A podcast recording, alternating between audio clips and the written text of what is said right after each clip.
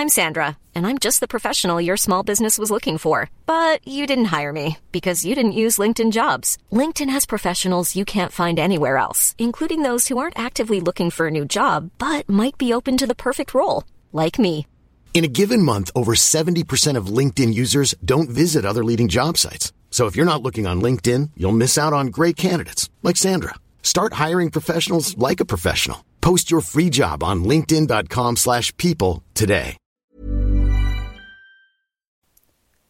Hej innebandy Sverige! Välkomna till ett nytt avsnitt. Den här gången har jag med mig Magnus Svensson. En av svensk innebandys allra bästa spelare genom tiderna.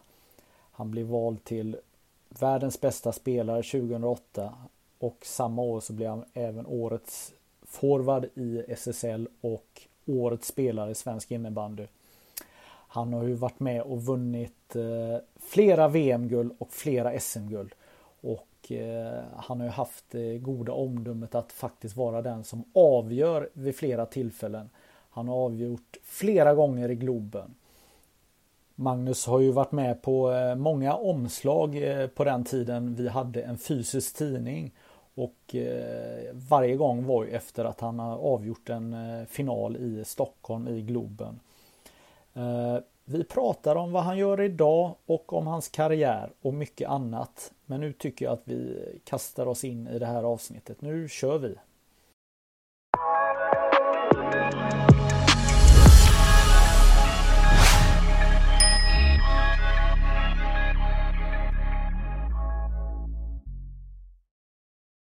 Ja, då hälsar jag Magnus Svensson eh, välkommen till det här avsnittet.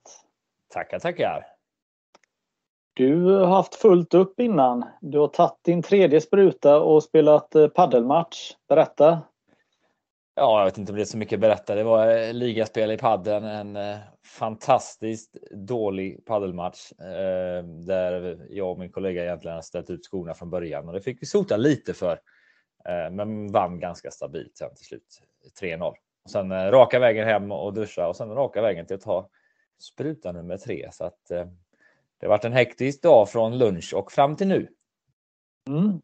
Ja men det är starkt att du redan hunnit med tredje sprutan. Du är ju inte så gammal, eller? Nej, alltså åldern börjar ju ta ut sin rätt på den här gubben också. Nu är man ju 38 så att eh, jag satt faktiskt på lunchen i torsdags och så var det kollegan som sa att nu kunde man boka tider tidigare än vad man redan hade så att jag bokade torsdags och, och um, bokade om ska jag säga jag hade 10 februari först. Sen eh, nu bokar jag om då till, till idag, så det var snabba ryck. Och det, det är lika bra att eh, få det ur världen så fort som möjligt. Mm. Hur är du som paddelspelare då? Eh, ja, alltså jag ska ju någonstans försöka stå för det offensiva spelet. Jag kan bara spela på vänster sida. Spelar jag på höger så är jag helt eh, horribel. Eh, är ju inte om man får kalla det första generationens paddelspelare, utan jag började ju egentligen spela för två år sedan. Så jag ligger efter många av mina gamla eh, lagkamrater så där, eh, som, som har spelat här i Varberg. och. Fick ju rådyng eh, pisk av eh, Kim och Eskelinen och Daniel Svedberg här förra helgen. Så att sen dess har man knappt velat spela padel. Men eh, det tar sig. Ja. Eh, jag spelar inte padel, men hur, hur fungerar seriespel? Ni, spelar ni fast tid eller är det Ja, just nu har vi, eh, man spelar en fast tid och sen är det en grupp helt enkelt och sen eh, eh ettan och tvåan avancerar uppåt. Eh, och jag har egentligen bara hoppat med. Det var andra svängen jag var med nu så vi ligger, jag och min kollega ligger nu alldeles för dålig serie. Så att det är ju egentligen, vi vinner ju varenda match alldeles, alldeles för lätt. Så att, men man måste börja någonstans. Vi har inte fått något bananskal så att vi får börja längst ner och, och grotta oss uppåt, uppåt i, i seriesystemet.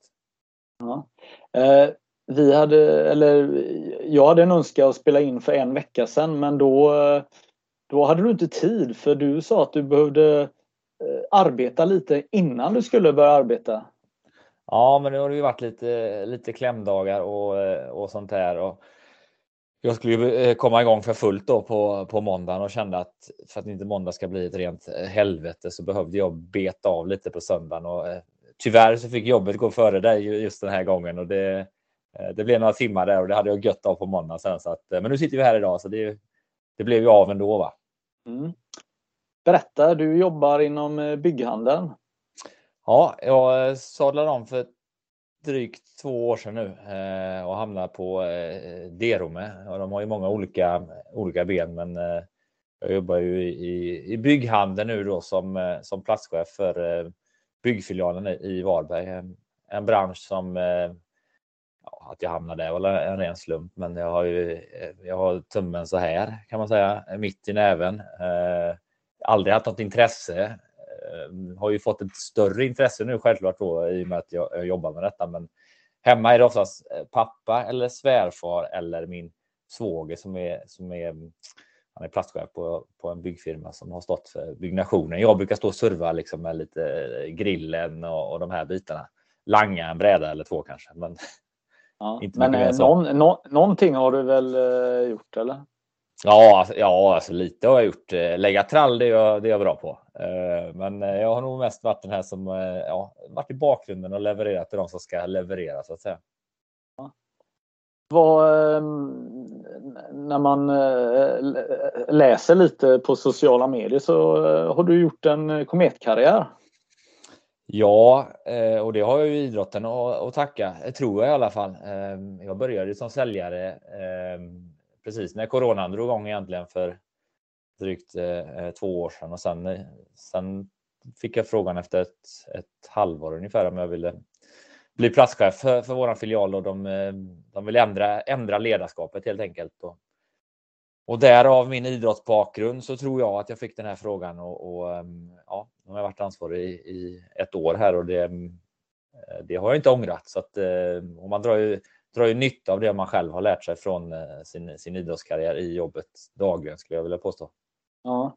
Eh, tittade ett gammalt nummer av innebandymagasinet och då, då berömde Peter Sjögren dig att, att du är en ganska rätt organiserad kille som håller tider och ja, ordning och reda så att eh, lite talang för det har du eller?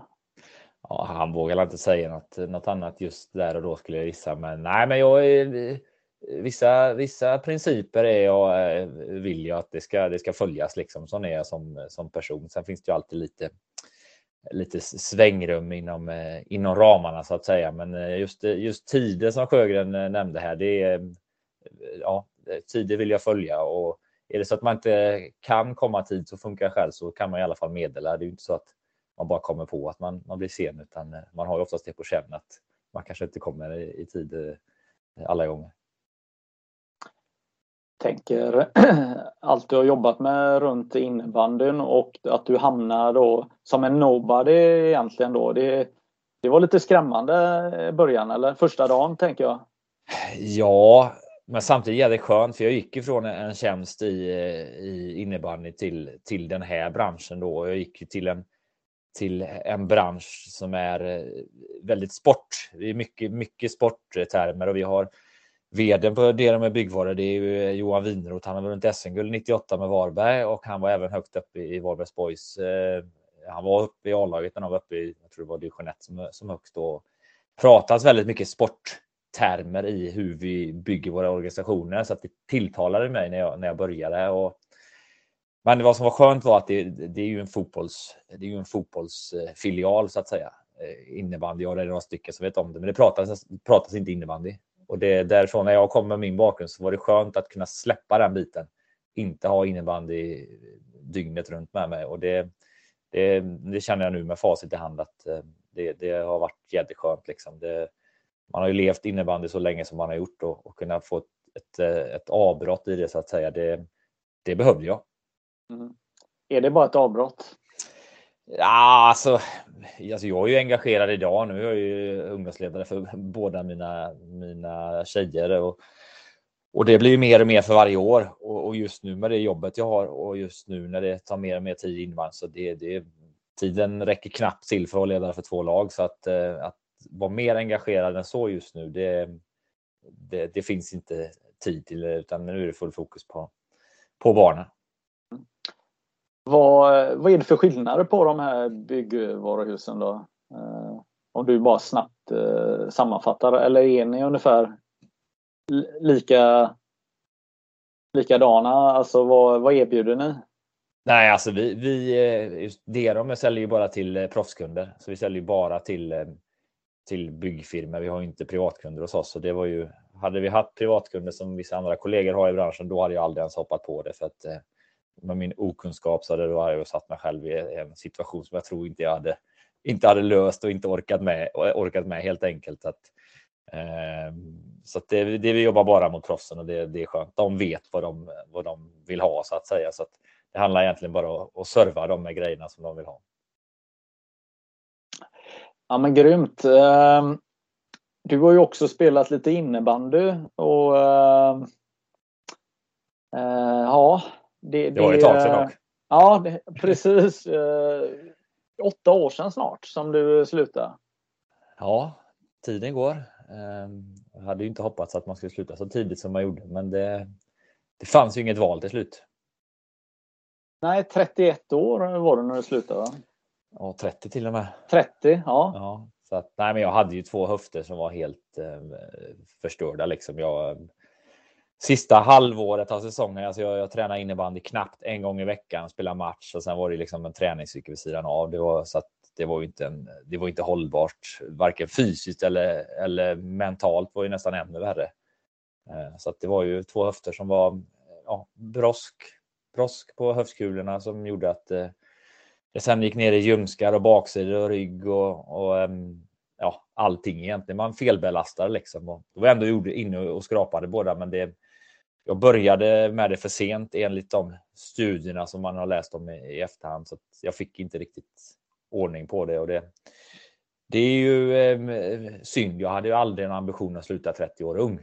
Eh, utan eh, jag har alltid skojat med att jag skulle varva ner och spela back. Det är nog hade jag själv en ambition om. Sen säger man det till någon annan man spelat med så skrattar de bara åt mig. Men, men eh, i alla fall några år till hade jag gärna gjort. Mm. Vad, vad hände med kroppen efter du slutade då? Nej, men alltså kroppen, det var ju bara att den fick. Eh, alltså jag, jag mår ju bra idag. Sen har jag vissa som spelar just innebandy är ju det sämsta. Det här korta intensiva springa, det, det funkar liksom inte på på motionsnivå funkar det. Eh, en tuff paddelmatch har jag ont i, i kroppen i, i, i, två dagar. Eh, att löpa rakt fram, liksom, det, det är det som funkar. Fysträning är också bekymmer, liksom, för att höfterna hänger inte med. Sen, nu är man nöjd, nu är man glad, en glad och nöjd motionär liksom, och så får man rätta sig efter vad man, eh, vad man klarar av helt enkelt. Men att fortsätta på elitnivå, det var, nej, det var inte ett alternativ liksom, utan sista säsongen var så pass tuff att bara bara ta sig igenom. Så att det, det var ett beslut som jag var tvungen att ta. Mm. Men är kroppen lite och den återhämtar sig lite, eller? Ja, alltså, den, nej, alltså hade jag börjat träna för fullt idag så jag vet ju vad jag klarar eh, och vad jag inte klarar. Och det var ju på den nivån jag var i slutet när jag spelade också. Liksom. Jag var ju fulltränad då, men jag kunde inte träna. Jag kunde, jag kunde göra en max en innebandyträning fullt ut och så en match. Sen var det liksom bara ta hand om kroppen till nästa match. Eh, och det var ju inte. Det var ju varken hållbart fysiskt eller, eller psykiskt för den delen. Nej. Men du har väl hållit dig i bra eh, fysisk form? Eh? Ja, ja nej, så jag, jag, jag, jag har ju alltid tränat. Jag kan inte liksom bara lägga mig ner och dö. Sen är det ganska skönt det också. Men löpning är det jag har gjort liksom för att hålla igång. Sen tycker jag det är förbannat tråkigt. Men ska man leva lite gött vid sidan av så får man eh, se till att jobba lite vid sidan av också så att säga. Så att, sen har ju padden kommit in sista två åren nu då. Det är ju mer för det här att få tävla lite och det är ju fantastiskt kul. Så att det har kommit som ett bra komplement och det är inte bara jag som håller på med paddel utan det är ju många föredettingar som eh, och jag tror det är just tävlings tävlingskänslan som man eh, som man letar efter. Mm. Känns som ni har ganska god eh, Eh, kontakt eh, ni som spelade under eh, x antal år tillsammans?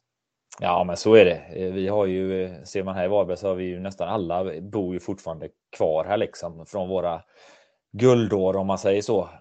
I alla fall järngänget. Så att det är inte så att man springer på varandra varje dag, men väldigt många är, är idag ungdomsledare i, i Varberg i föreningen så att man träffas upp i hallen. Sen nu har det ju varit konstig tid med seniormatcher, men annars har man ju träffats kring det också. Sen stöter man på varandra i lite olika sammanhang. Sen kan det gå ett halvår så ser man inte någon, men man vet ju ändå vad man har varandra liksom. Så att det, nej, men det, och det har man idrotten att tacka.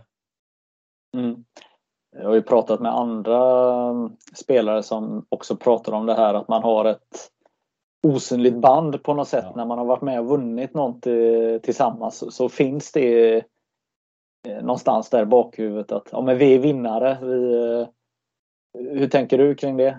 Nej, men så är det ju. Vi har ju någonting, någonting gemensamt som ingen kan ta ifrån oss som vi har uppnått liksom och det Eh, de flesta har, ju, har man ju spelat mer än en säsong med och, och delar ju olika eh, minnen med dem. Men det är klart att gulden gör ju att det har ju liksom, det är något som vi, man hela tiden kan återknyta till. Och när man då träffar de här som man kanske inte har träffat jätteofta, eh, på ett eller annat sätt så kommer man nästan alltid fram till hur det var förr och vad vi gjorde då. Och det blir surr kring det och framförallt om det handlar om att man träffar i ett, i ett sammanhang där man har lite god mat och dryck till så blir det ju ännu mer anekdoter och det, det är man ju jädrigt tacksam för idag när man sitter här åtta år efter man har slutat. Liksom att man, allt man fått vara med och uppleva. Och det, jag känner ju bara kring, eh, kring sådana som man fått vara med i landslaget också, liksom, som man ibland knyter an och skojar kring med sociala medier. Och, och Jihde la ut det här häromdagen på, på, på Twitter med hans Adidas-skor som han hade från VM 2004 och då var jag snabb och kommenterade. Ja, klart de skorna, det linnet han hade på sig, så var han ju ostoppbar liksom. Så att, och det har vi ju. Det var ju. Det var ju ett guld där också, så att det har vi något som vi kan relatera till. Sen var ju inte vi lagkompisar, men det. Ja, det just de där vinsterna. Det är ju något som man eh, som, som alltid kommer finnas med och man kan alltid plocka upp liksom med de man har upplevt det med. Mm. Ja, du har ju varit med och vunnit eh, lite. Jag vet, det är så svårt eh, vilken ände man ska börja i egentligen här men eh, om, om vi hoppar in på det här spåret eh, 2004 då som du pratar, eh, pratar vi VM eh, och eh, Eh, jag minns ju fortfarande att jag satt bredvid eh, var det Pelle Hellberg och eh, Glenn Nylén som mer eller mindre satt och kände shit, vi kommer få döma en VM-final imorgon här. Sverige möter Finland i semifinal i VM och ni är ju egentligen på väg ur VM.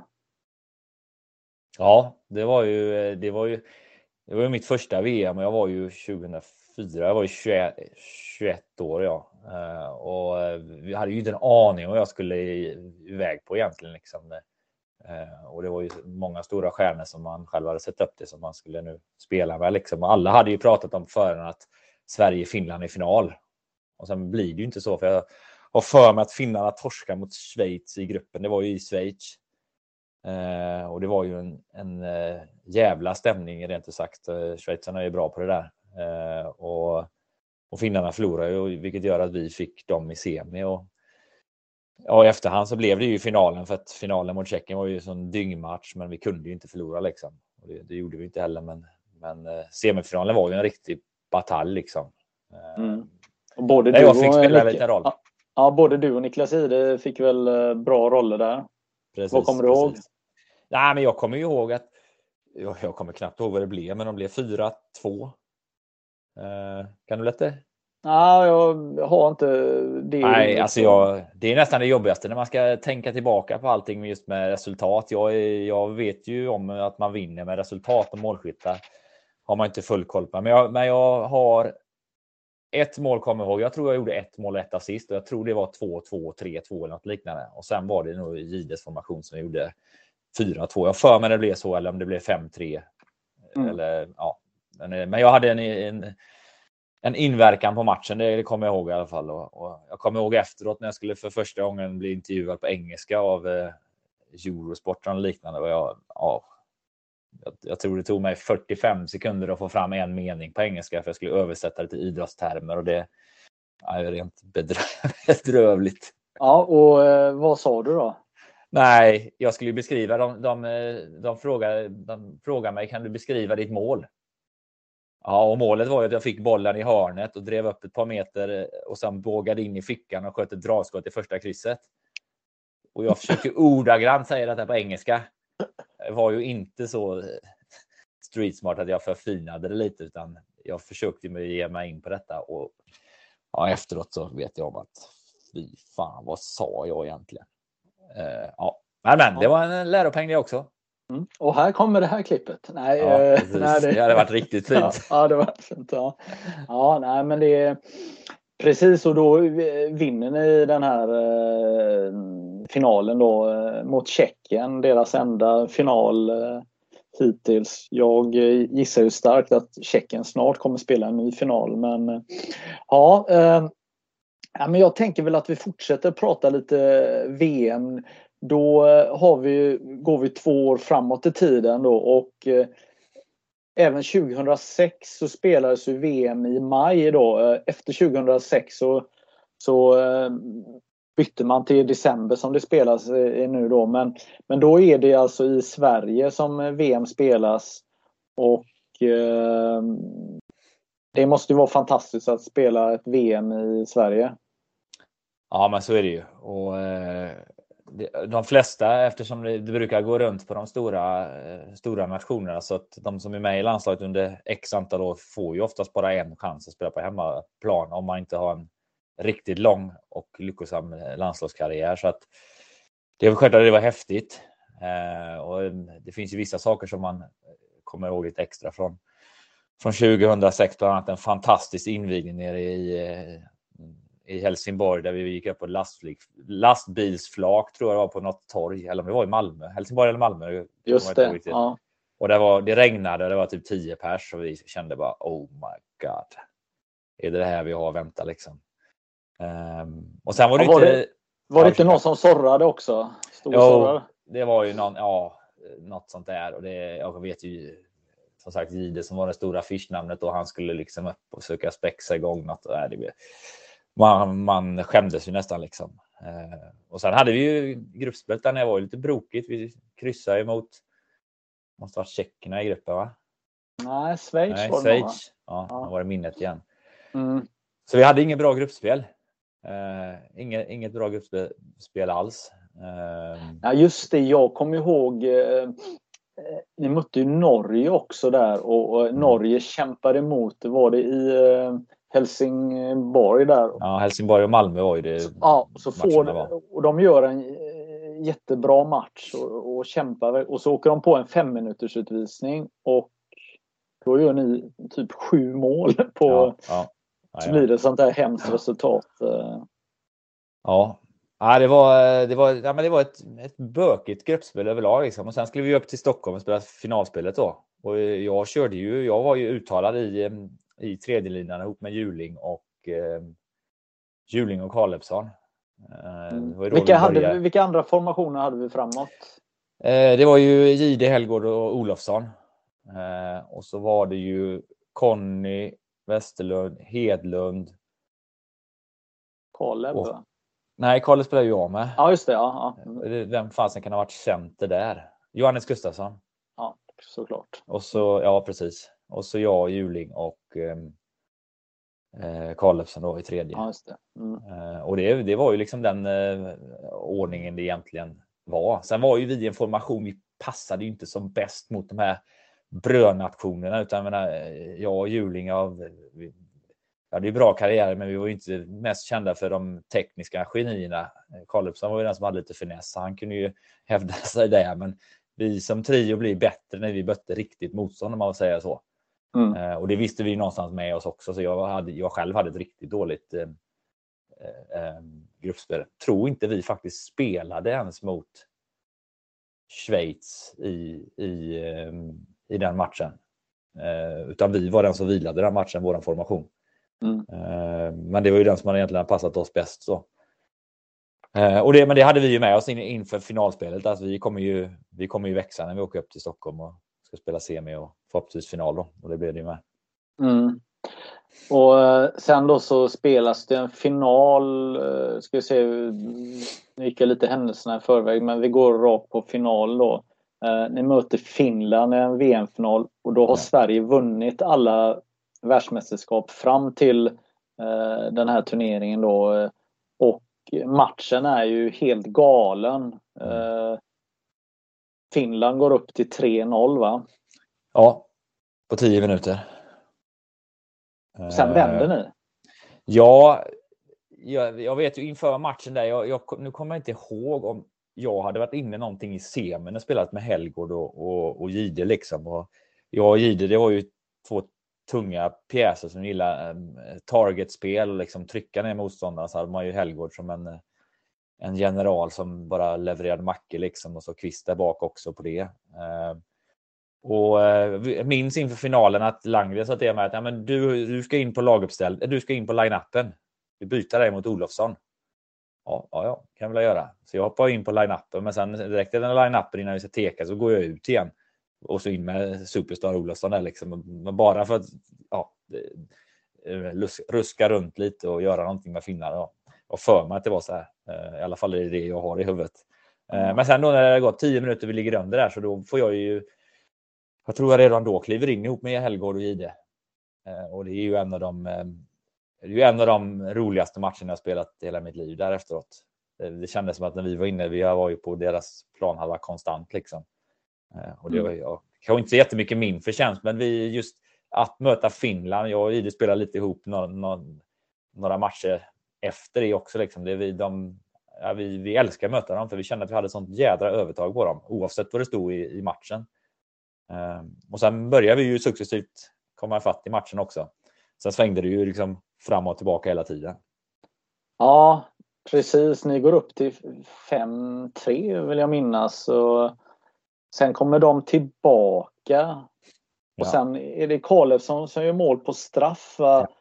till 6-5. Så tänker man, oj, kan det här vara avgörandet? Ja.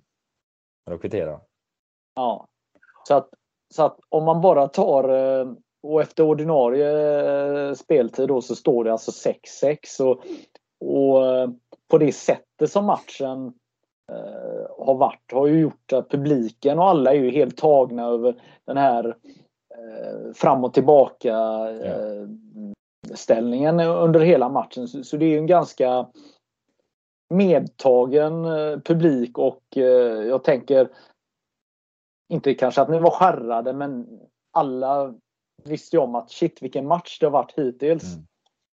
Ja men så var det ju. Jag menar, vi hade ju alltså bara de första tio minuterna. Vi tittar på att liksom, vad fan är det som händer rent sagt. Vi spelar ju hemmafinal eller VM-final på hemmaplan. Vi ligger under med 3-0 för 10 minuter. Men det är klart att alla som har hållit på med idrott innebandy framförallt liksom vet jag om att det är ju först i sista perioden det, du ska summera ihop det och det avgörs liksom så att det kan ju hända så jädra mycket. Och där gick ju Halstensson och Langer in och började coacha och jag, jag minns ju att jag tror det var andra femman som med, med Johannes och Conny och Hedlund som fick kliva lite åt sidan, men de stuvade om lite. Jag gick upp igen och sen var nog Juling och, Juling Karlsson och, och Conny tror jag var som körde sen. Så att det var liksom ruska runt och göra någonting och det, vi fick ju ganska snabbt utdelning och sen var det ju en fantastisk match liksom. Och, ja. Men, men ett konstigt slut.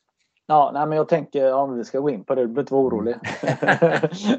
Vad, eh, nej, men jag tänker också när eh, Konon och, och de här eh, tryckte in de här bollarna. Nu minns jag inte exakt. Jag vet att Konen gjorde väl någon av målen i alla fall. Men, men, men, det fanns ju också en otrolig dröm eh, bland finländarna att få vinna, att äntligen besegra och så leder man med 3-0. Och, och, den känslan de måste ha känt där. Och sen då när ni vänder eh, så tappar de det de hade och, men sen ändå kommer tillbaka. Så det, det, var ju otroligt mycket känslor nu när man tänker tillbaka. Ja men så är det ju. Och det, det var ju den matchen någonstans var ju starten på vad som skulle komma sen genom något år framöver liksom. Det är 2008 är också en sån där match som pendlar och avgörs eh, avgörs liksom i, en sadden och, och um, det, var, det var några år där, där det var liksom uh, jädrigt jämnt och det var liksom ja, man, det var väldigt ovisst vem mm. som skulle vinna matcherna och det var ofta väldigt bra matcher. Du kunde svänga fram och tillbaka och mycket mentalt spel liksom att uh, vad man kände där och då. Precis. Och då ska jag berätta för alla som lyssnar på det här och tittar på det här då att då blir det sadden och man eh, spelar 10 minuter. Och det är som det brukar vara i sadden att eh, det är chanser fram och tillbaka och det är ju eh, det är oroligt varje sekund. Man vet att ett mål kan ju eh, ja, då, då, är det, då, då är det över. Och så är det en situation där de schweiziska domarna då, eh, schweizare brukar ju döma VM-finalerna och där de, eh, det är mellan eh, Henrik Kvist är det va och eh, vad heter han, finnen Pell... Peik Salminen. Ja, precis. Där finnen drar eh, Henrik i håret eh, lite extra mycket där och då blir det... lite extra mycket, ja. Han, det var... Han, han hade ju fått med sig hela skalpen om inte Kvist hade hängt med där kändes det som. Men ja, det var ett annorlunda drag att välja i en VM-finalssandet alltså. Ja. Minns du hur många byten för sen blir det powerplay då och mm. du får vara med där och spela. Minns du hur många byten du hade innan powerplayet i sadden? Nej, jag kommer faktiskt inte ihåg. Det är ju alldeles för länge sedan. Eh, så det kommer jag faktiskt inte ihåg. Och jag, jag, jag har för mig från VM, alltså just 2006, att jag och Bult hade växlat mellan att spela i, alltså i slottet i powerplay. För Bult gjorde ju det 2002 Eh, när de vann i Hartwall och eh, han, han, eh, han var ju inte naturlig där i klubblaget för då stod han ju på någon av de finare positionerna när man skulle styra, styra spelet utan det är ju vi brötare som brukar stå i mitten. Och jag tror han, vi hade växlat lite under mästerskapet men han, jag hade ju en bättre final än vad han hade kanske så att mm. det var lite fingertoppskänsla av coacherna där. Minns du någonting vad du kände då, alltså när du får rollen att gå in där i slottet i powerplay.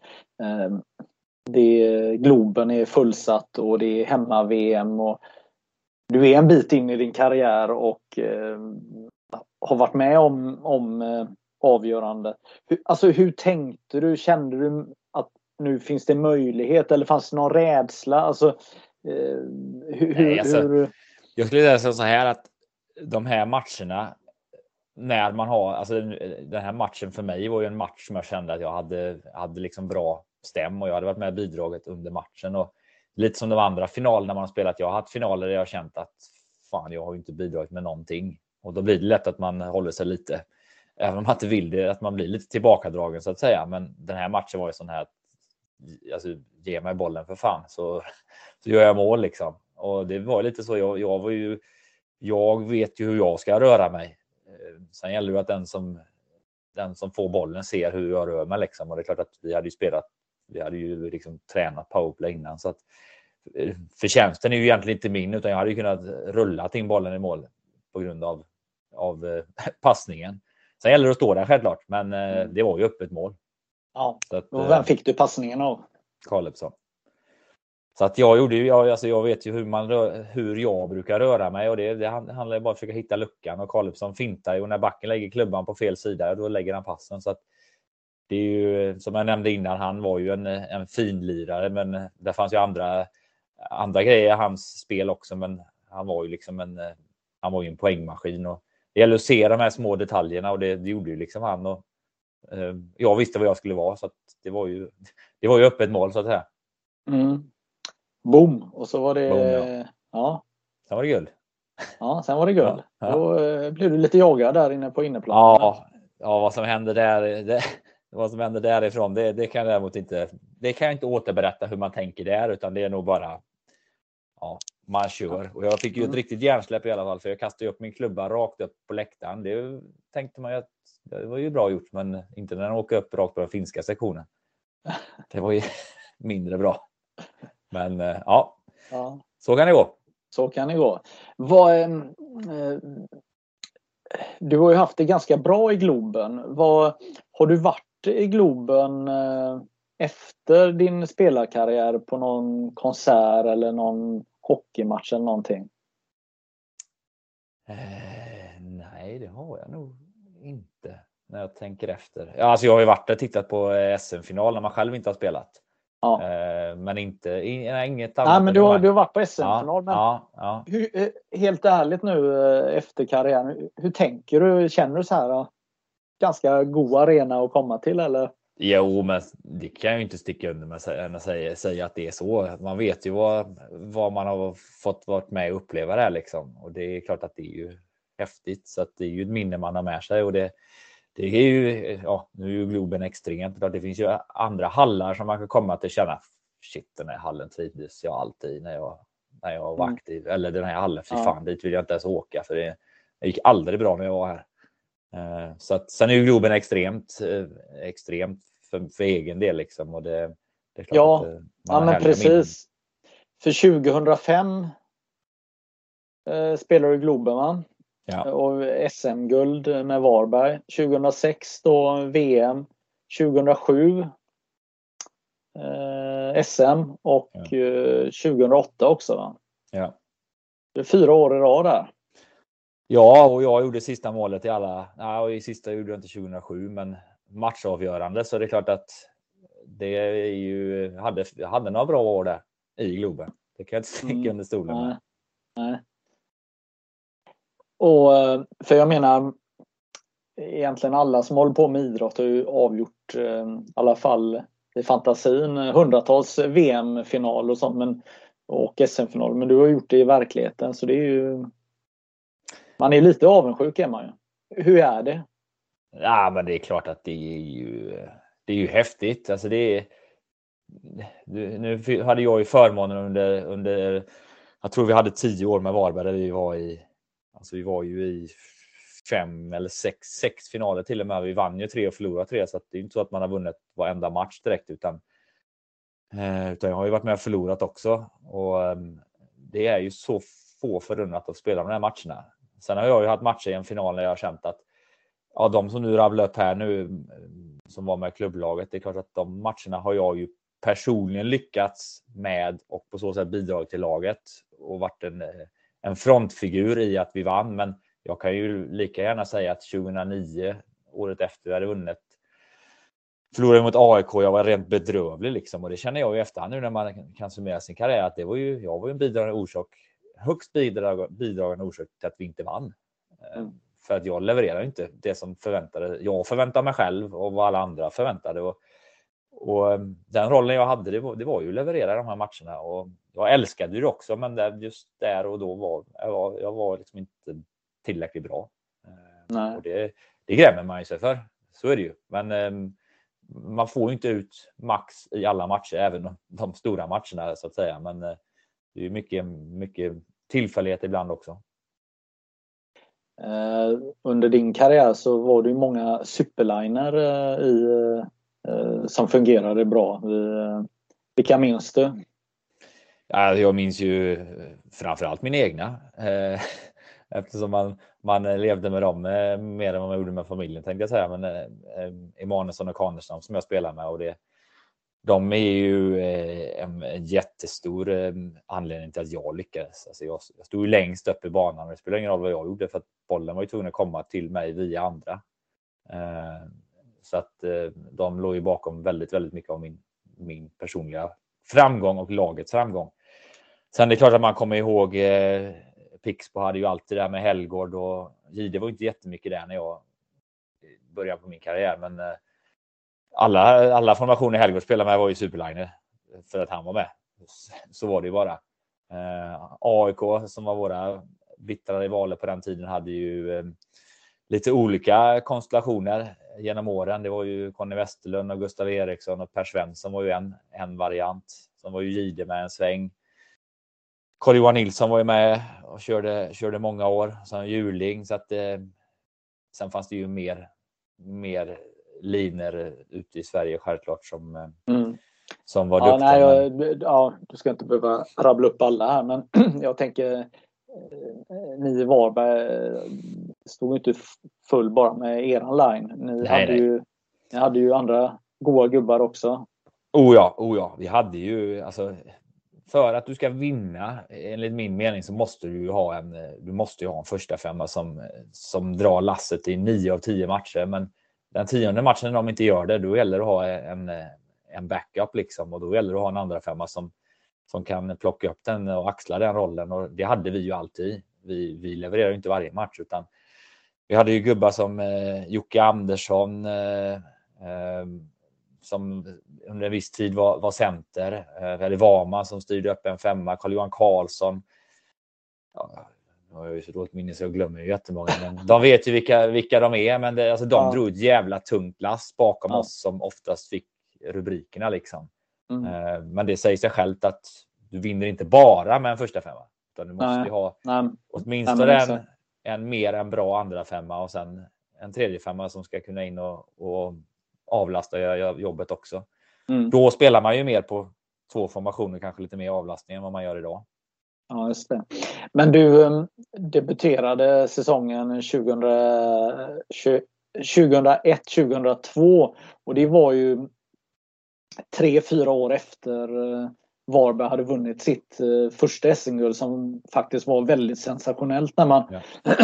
när man vann uh, det guldet. Och då var det ju Peter Nilsson som ägde i det här slutspelet och han kunde verkligen gå på vatten där. Eh, minst sagt. Och, eh, eh, Niklas Willensson och, och Claes Karlsson och eh, alla andra gjorde ju jättefint jobb där. Eh, sen ville man ju på något sätt eh, försvara sin, sin plats där uppe och, och det var ju lite kämpigt. Man tog in folk man tog in egentligen alla stjärnor som fanns runt om. Allt från Bagan till Stefan Mattsson och men när du kom in här så, så, så, så, hade, så hade den här första turbulenta tiden nästan eh, efter, efter den här stora framgången ebbat ut. Kanske inte riktigt. Eller vad minns du av, av den första tiden? Alltså de, Varberg spelade ju SM-final året innan jag kom mot Haninge, men förlorade ju tre raka. Um, och sen Året efter så... Nej, det gjorde de inte. 3-1 blev det i matchen. 3-1. Ja. ja, det, är, det är bra du har koll. Ja, Minnet igen vet du. Det, ja. ja. Nej, men det, jag, jag minns ju att jag, alltså när jag signade så var det ju forwardsstyrkan då till namn var ju Bult, Bagarn, Peter Nilsson, Mikael Holm, Holmer. Eh, vad var det mer för stora namn? Ja, det var ju jag, jag stannar där, men det var fyra. Forsander, Forström, Forström. Forström menar Forström. Ja, Forström, Mikael Andersson. Ja. Så att, eh, och det är klart att där skulle jag ju in någonstans också. Men det, det började med att Jeden var ju tränare när jag värvades och sen så två veckor efter jag hade signat så står det i våran lokalblaska att Gedhem han får lämna. Jag bara okej, okay, det känns jävligt bra. Tränaren som har signat mig får lämna liksom.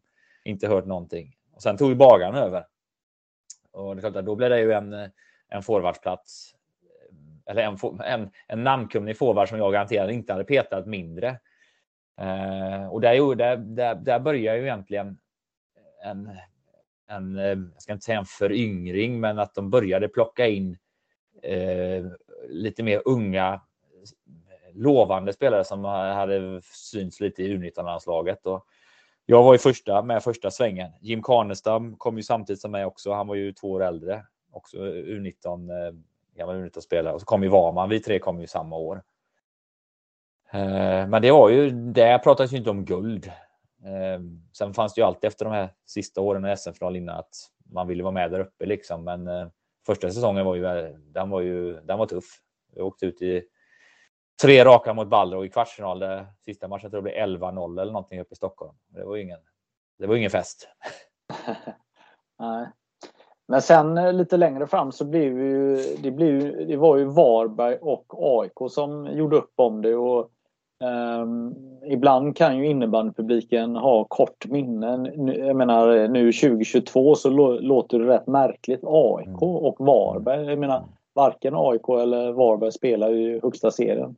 Nej, nej. nej de unga lirarna idag, de, alltså, de vet inte ens om att Varberg och AIK har spelat i högsta serien för de, de ser ju inte de namnen i i tabellerna och, och eh, har ju inga, gissningsvis inga idoler i, i de lagen utan det är ju i motsvarigheterna nu då Falun och, och Storvreta och, och Kalmarsund liksom som, som de har spelat som de ser upp till. Och, eh, I mitt Varbergs hjärta så, så känns det ju också jävligt konstigt för att för mig är det så länge vårt herrlag inte kommer ligga högsta serien så är det inte riktigt.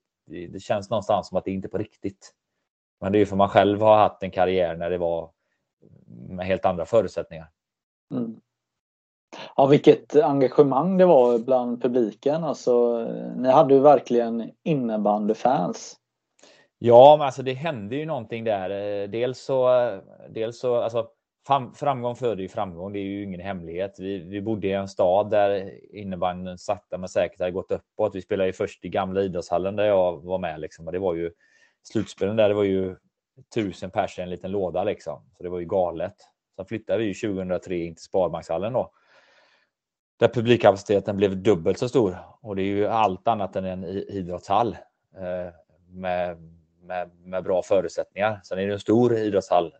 Men eh, du behöver vi vara 16, 17, 1800 för att det ska liksom upplevas bra.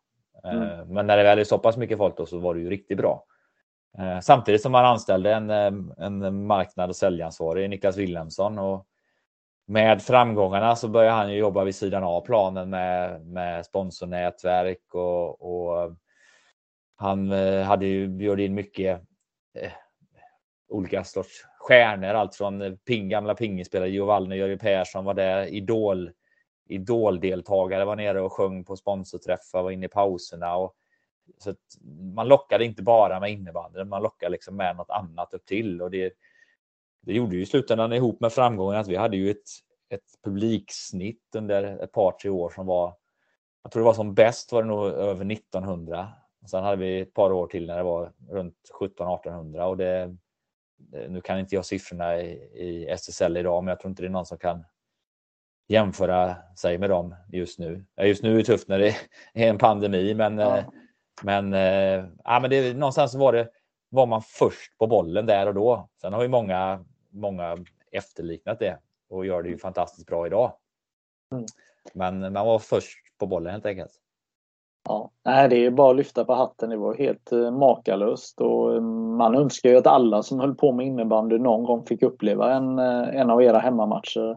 Eh, ja, det var ju det var på riktigt. Ja, men precis. Och det är lite som jag säger till dig, att för mig är det där. Det där är ju, det där är ju det här Varberg ska vara. Nu är jag ju mm. färgad, alltså det är ju resultaten som, som bestämmer vad man ska spela liksom. Men det, det, ja, jag, det, det, är svårt att se när vi nu under några år liksom, med vårt herrlag ligger i en, en serie som är en nivå ner. Liksom. Och det, ja, det är inte på riktigt. Så man, man kan inte en spelare i bortalaget. Liksom. Det, för att det, det, ja, det är ju näst högsta serien. Liksom.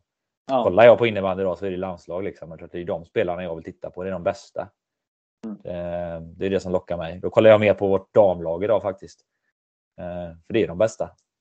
Ja, precis.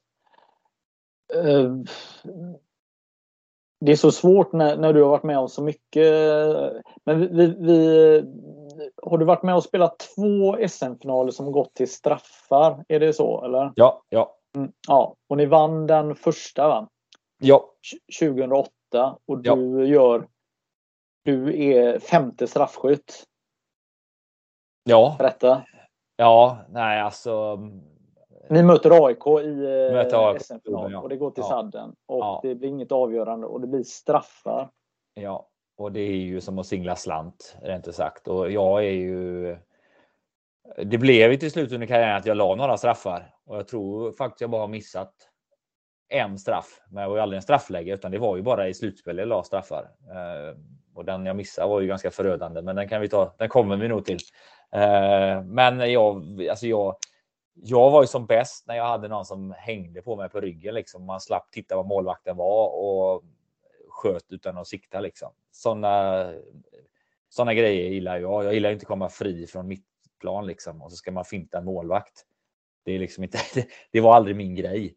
Så det var ju därför jag, det var ju därför jag småjoggade fram. För jag kan liksom, jag, jag ska inte säga att jag inte kan, men jag går fram och så här kolla hur målvakten sitter. Jag har ju pratat med Bult som var specialist på straffar. Men tänk på om man sitter si eller sitter så. Jag bara, ska jag tänka på det så vet jag, då kommer jag, det blir bara snurrigt. Jag, det var ja. inte min grej. Ja. Så det var därför jag halvjoggade fram. Och sen var det, jag hade en grej. Det spelar ingen roll om målvakten den satt där, för jag hade gjort likadant ändå. Sen blev den ju faktiskt just 2008 blev den ju väldigt, väldigt bra. Um, ser ju ganska enkelt ut och jag hade ju bara, jag visste det här ska jag göra. Sen får vi se hur det går. Det är ju härligt när man har den känslan att, att, att man bara går fram och gör sin grej och så sitter den eh, Ja, för, för mig var alltså det, det var det enda jag kunde göra. Skulle jag liksom funderat för mycket? Nej. Och sen, fick, sen hade jag ju en femte avgörande för att jag någonstans gillar. Det handlar ju om som när man spelar en final generellt sett, gilla läget. Det är klart att du kan ju bli värsta syndabocken och du kan ju bli eh, den största hjälten. Och det är klart att i mitt fall så mina tankar var ju mer på att man ska bli hjälte än syndabock. Men mm. Eh, det är ju, där är ju mycket hjärnspöken som, eh, som kliver fram i, i, den situationen. Men det är ju ändå ganska skön känsla eh, att gå fram där eh, när det var i det läget. För det kunde ju varit mardrömsläget att du måste kvittera. Ja. Ja, ja. För, Nej, ja. för, för, för, det är ju det som är Alltså när, när man eh, får frågan, vill du ta den femte straffen oavsett om det är fotboll eller innebandy. Så, så finns ju möjligheten att man kan precis få det här läget att man kan avgöra men det är minst lika stor eh, möjlighet att det är att du måste kvittera. Ja. Och bli eh, syndabocken istället. Och det är klart att någonstans här också att det gäller ju att ha fel gubbe som missar det här så kan ju karriären vara förstörd. Du kanske aldrig återhämta dig efter en sån, eh, en sån grej. Liksom. Jag visste ju med från förhand att skulle jag missa, jag tror fan att det skulle sätta sig eh, hårt på mitt, eh, mitt huvud också. Men det var en av de största styrkorna jag hade, det var just huvudet när jag var aktiv. Liksom. Så att jag hade, jag hade rest mig om det hade blivit syndabock istället. Sen behövde jag inte som tur var oroa, oroa, oroa mig över just över det just där och då. Men den straffen jag missade sen som är något år senare, ja, den grämer jag mig än, än idag för. Ja, var det mot Storvreta där eller? Storvreta. Och jag kom, jag la ju femte där också och jag, jag, tror, jag tror att det var exakt samma läge. Eh, att jag kunde avgöra. Eller så var vi ut först så att det stod lika och jag missar och de missar med. Jag, jag kommer inte ihåg men jag tror fan att vi vi kunde vunnit på den. Jag, den, jag har aldrig sett de straffarna och aldrig sett matchen. Jag kommer aldrig göra det heller. Men, eh, Nej. Så den jag, har jag inte bra koll på. Nej, men jag, jag, jag är med dig. Alltså jag, jag, min känsla är att jag, jag inte heller... Det, det, känslan är ju när, när man missar så, så, bestämmer den ju känslan. Men, men eh, det kändes som att eh, det inte var det var inte dina sekunder om man säger så. Nej, nej, nej. Alltså, jag var likadant där. Jag hade exakt samma straff med en extra dragning till som hade jag faktiskt byggt på den första då. Men eh, Klinsten som var målet, han läste, han visste ju detta. Så att han ja. läste ju sönder mig och jag blev bara så efteråt bara. Vad fan hände? Ja. Typ så. Och sen torskade vi på att Bult eh, får sin straff avblåst för att den var bakåt och det. Det var ju ingen i hela Malmö arena som eh, ens lyfte ett finger på att den skulle vara bakåt, men det är ju en. Det är ju en annan historia i sig. Ja, precis. Den, vi, fick, eh... vi fick tillbaka för att vi vann 08 så det var inte mer med det. Eh, nej. Nej, men det är små marginaler. Ja, och, ja, ehm, fantastiskt det, det, eh... det, var en galen final i alla fall. 8-8 ja. eller 9-9 eller fan det blev efter ordinarie tid. Ja. Hur känner du med det här med avgörande en match? Är det rätt väg eller vad, vad känner du som eh, spelare nu med? Alltså jag sa ju det i slutet på min karriär att jag hade gärna velat uppleva ett, ett, eh, ett finalspel, bäst av fem. Men det var ju också där då när man hade, själv hade spelat sex finaler på tio år. Att någonstans, ja när vi åkte till Globen, nu var ju Malmö ett år, men man visste om att man, eh, man åkte upp dagen innan, man kom till hotellet. Det var eh, presskonferens på fredagen, man chillade lite på kvällen, åt med laget, förberedde sig för match. Gick upp, tog en promenad. Det, jag ska inte säga att det blir slentrian, men någonstans, det fanns inte riktigt den nerven kvar för oss. Eh, och 2009 kändes verkligen som att vi, vi var där som lag. att Jaha, nu gör vi exakt samma som vi gjorde förra året. Då vann vi och vi får försöka vinna igen nu, men vi var inte. Jag var dålig och laget var inte heller på topp. Vi hade några enskilda spelare som var bra i den finalen. Mm. Eh, och efter det kände man nog lite att man vill, hade velat testa bäst av fem. Sen är det mm. ju innebandys julafton liksom och ofta väldigt ofta så är, har ju alla finaler som har spelats i de här bäst, bäst av en så att säga att det har ju varit propaganda för innebandyn liksom. Mm. Eh, det har ju varit grymma matcher om man ser rent reklamsyfte för vår sport. Eh, och det är klart att på min tid när jag spelade, om det hade varit Varberg AIK en match över fem, det tror fan att det hade dratt hetsen kring de två veckorna hade varit enorm. Mm. Typ Falun Storvreta idag. Mm. Men hade det då varit ja, något mindre namnkunnigt lag satt dit som spelar i en halvkonstig hemmaplan. Mm. Det kan ju bli väldiga kontraster för om det är bra eller dåligt. Ja, jag menar, eh. jag menar, absolut. Vad, ehm, vi, eh, vi går vidare lite här. Du, ja. du avslutar din karriär och börjar jobba. Alltså Varberg som förening är så skickliga så man, man har ju anställd personal. Det, det var ju inte alla klubbar som hade det eh, på den tiden. Givetvis några men, men man kan ju faktiskt jobba med innebandy om man bor i Varberg. Och det valde du att göra. Ja, alltså jag hade ju mitt, mitt avtal som spelare i slutet. Jag var ju anställd av klubben fullt ut. Sen hade jag en del som var anställd och sen var jag en del som var spelare då. Det, mm. det var ju väldigt tacksamt. Jag jobbar ju inte, jobbar ju inte 100 procent. Eh, men jag hade ju även skrivit in i det avtalet att behöver jag sluta så, vilket jag till slut fick göra, liksom, så måste jag ha ett hundraprocentigt arbete och gå till dagen efter. Annars är jag ju arbetslös. Mm. Eh, och, ehm, så det blev det ju när jag slutade. Jag började jobba 100 procent. Sen hade jag ju en rad olika jag brukar säga att vi, vi har en egen anläggning som vi driftar själva och jag brukar säga att jag har gjort allt. Alla roller man har kunnat haft eh, eller som har funnits i föreningen och jag, och jag i slutändan haft tills jag, tills jag slutade precis innan coronan eh, mm. kom till. Men, men, men du, ja, du var helt enkelt en problemlösare och man fick eh, lösa det som behövdes göras. Ja, lite så. I sista tre åren så jobbade, var jag ju sälj och marknadsansvarig och då var det liksom driva in, eh, driva in eh, sponsorintäkterna och klart att de är ju de är ju det som gör att föreningen går runt till slut. Liksom. Uh, och mitt i detta med så hade vi ju, då kom ju elitlicensen och vi var ju en av de föreningar som låg som mest pyrt till med skulder som, som vi hade börjat sanera. Mm. Och det fanns verkligen en plan för att rätta till det utan att vi skulle behöva göra ett, ett stålbad så att säga. Utan hade vi fått några år till att bara jobba med den, den planen vi hade så hade vi varit nollade ändå. Men nu, nu var vi ju tvungna att göra en insats för att lösa ekonomin helt enkelt. Och i, I mitt fall och den som min, eller våran klubbdirektör just där och då fick ju dra ett jädra tungt lass. Och det satte ju sina spår därefter och det var ju egentligen den stora anledningen till att jag slutade sen i, i slutändan. Att det, det blev för mycket helt enkelt. Mm.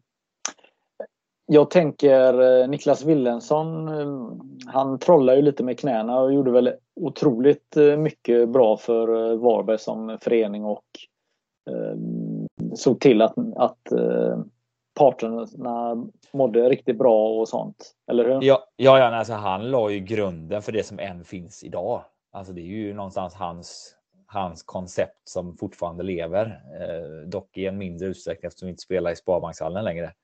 Eh, men eh, det, och det, jag kom in i en roll, då hade ju eh, Mattias Burt Larsson hade haft den rollen som jag. Eh, jag tog ju över hans roll och han hade ju dessförinnan tagit över från en annan gammal spelare som har tagit över från Wilhelmsson. Så det var, gick ja. ju från gamla spelare hela vägen och som förening hade vi en jättenytta av just det i mot sponsorerna, liksom att det var ju välkända ansikten liksom som höll, höll i grejerna och det var samtidigt en, en ingång för oss att lära känna väldigt mycket företag, i, företag och företagare i, i, i stan.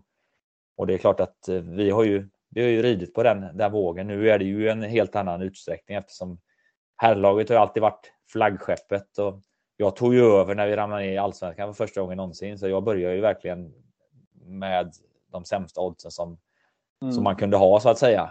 Eh, ja. Och men det, vi, vi lyckades hålla det vid liv och till och med öka under de, de åren på, på sista raden och hålla allting igång. Så att det var ändå mm. jävligt lyckosamma, lyckosamma år. Men att jobba i en förening och sen dessutom vara ideell ledare upp till det, det är en svår balansgång när det är dels för den eh, enskilde men även för alla, alla runt omkring att jobbar han eller är han ideell? Exakt. Eh, ja, men jag, jag vill eh, hänga kvar lite det här med eh, marknadsarbetet och hela den biten. Jag tycker det är intressant för att eh, jag gissar ju att du fick ju lite gå in och försvara Varbergs eh, plats. Att många frågade Ska jag verkligen fortsätta satsa mm. på det här? Vad, vad är det som händer? Och du då som är en etablerad person i, i Varberg de vet ju vem du är. Så att du satsar ju både dig själv och Varberg när du var runt här tänker jag, eller? Ja, men så är det ju. Det är ju precis som du säger. Det, det, det blir ju väldigt mycket försvarsläge. Eh, eller eh, inte försvarsläge, men eh, inte säga, pratar dem till rätta, men får dem att förstå vad, vad vi försöker göra, vad vi försöker återskapa, hur vi ska ta oss tillbaka. Och det är klart att med min bakgrund så och så mycket som jag kan och vet och varit inne i föreningen så är det klart att det blev ju trovärdigt och det, det, det, det är jag ju tacksam för liksom eh, idag att folk valde att hoppa på och fortfarande är med liksom på resan för att det finns ju något som är jävligt stort och fint i, i Varbergs innebandyklubb. Just idag är det kanske inte Idag är det inte herrlaget som är flaggskeppet. Nu är det snarare damlaget som är viktigt och sen är det ju ungdomsverksamheten som man har. Man fick ändra lite fokus Ja. Vad är det viktigaste? Från att det var, vi pratade SM-guld så var det till att nu är det hela föreningen. Det är liksom ja. så här många ungdomar och vill ni vara med och det är ju, alltså, det är ju ett, ert ansvar som företagare att vara med och bidra till att barn är, är med och rör sig. Och det blir många sådana frågor som man fick vända på då. Sen det är klart att de här mest inbitna, det är, nu pratar vi en, en timme på den här lunchen om herrlaget och då ja. fick man ju göra det. Ja, att, um, men eh, för att någon ska förstå, hur många partners var det som eh, ni bollade med? Alltså hur många, hur många var det i paketet ungefär? Nej, men alltså vi, det var ju, jag tror under mina år som vi var där, nu kan jag inte svara för hur det ser ut just nu, men vi var nog mellan 100 120 partners hade vi på ett eller annat sätt ifrån de största till de till de minsta. Nej, pratar vi med de allra minsta så var det ännu mer, men jag tror vi hade avtal med runt 100 stycken.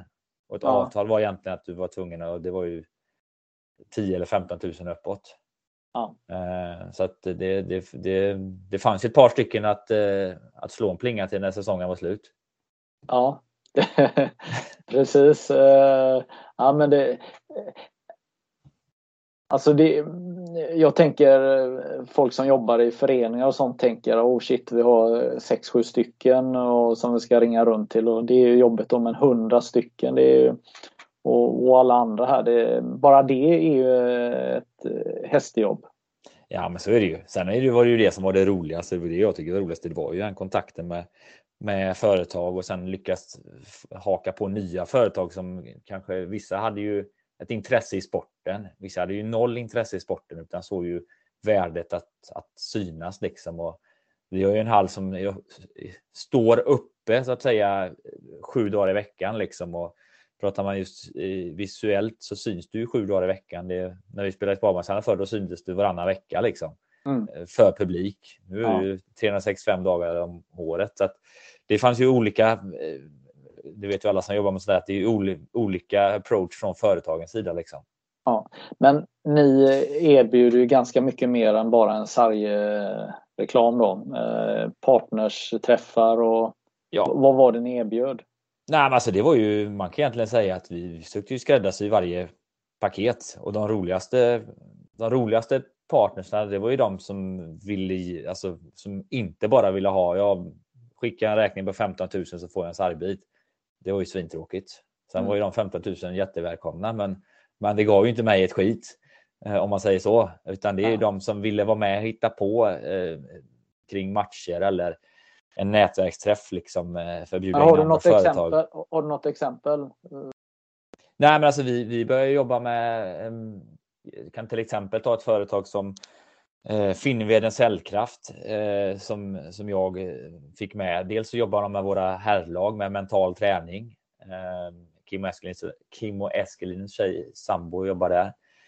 Men de vill ju ha ut mer av partnerskapet och ehm, då, hade vi en nätverksträff där de avslutade med att hålla en föreläsning som, som eh, ja, var riktad mot företagarna liksom, för att de ska kunna få marknadsföra sig själva och, och visa vad de jobbar med. Det slutade med att de hade ju av de 30-40 personer som vi var där så fick de ju bokningar efteråt liksom. Så att det hade de tillbaka de pengarna som de hade investerat hos oss då. Så att sådana sådana företag var ju roliga att jobba med. Och det, detta var bara ett exempel, men de som verkligen ville använda nätverket till att eh, ja, skapa kontakter och i slutändan göra affärer.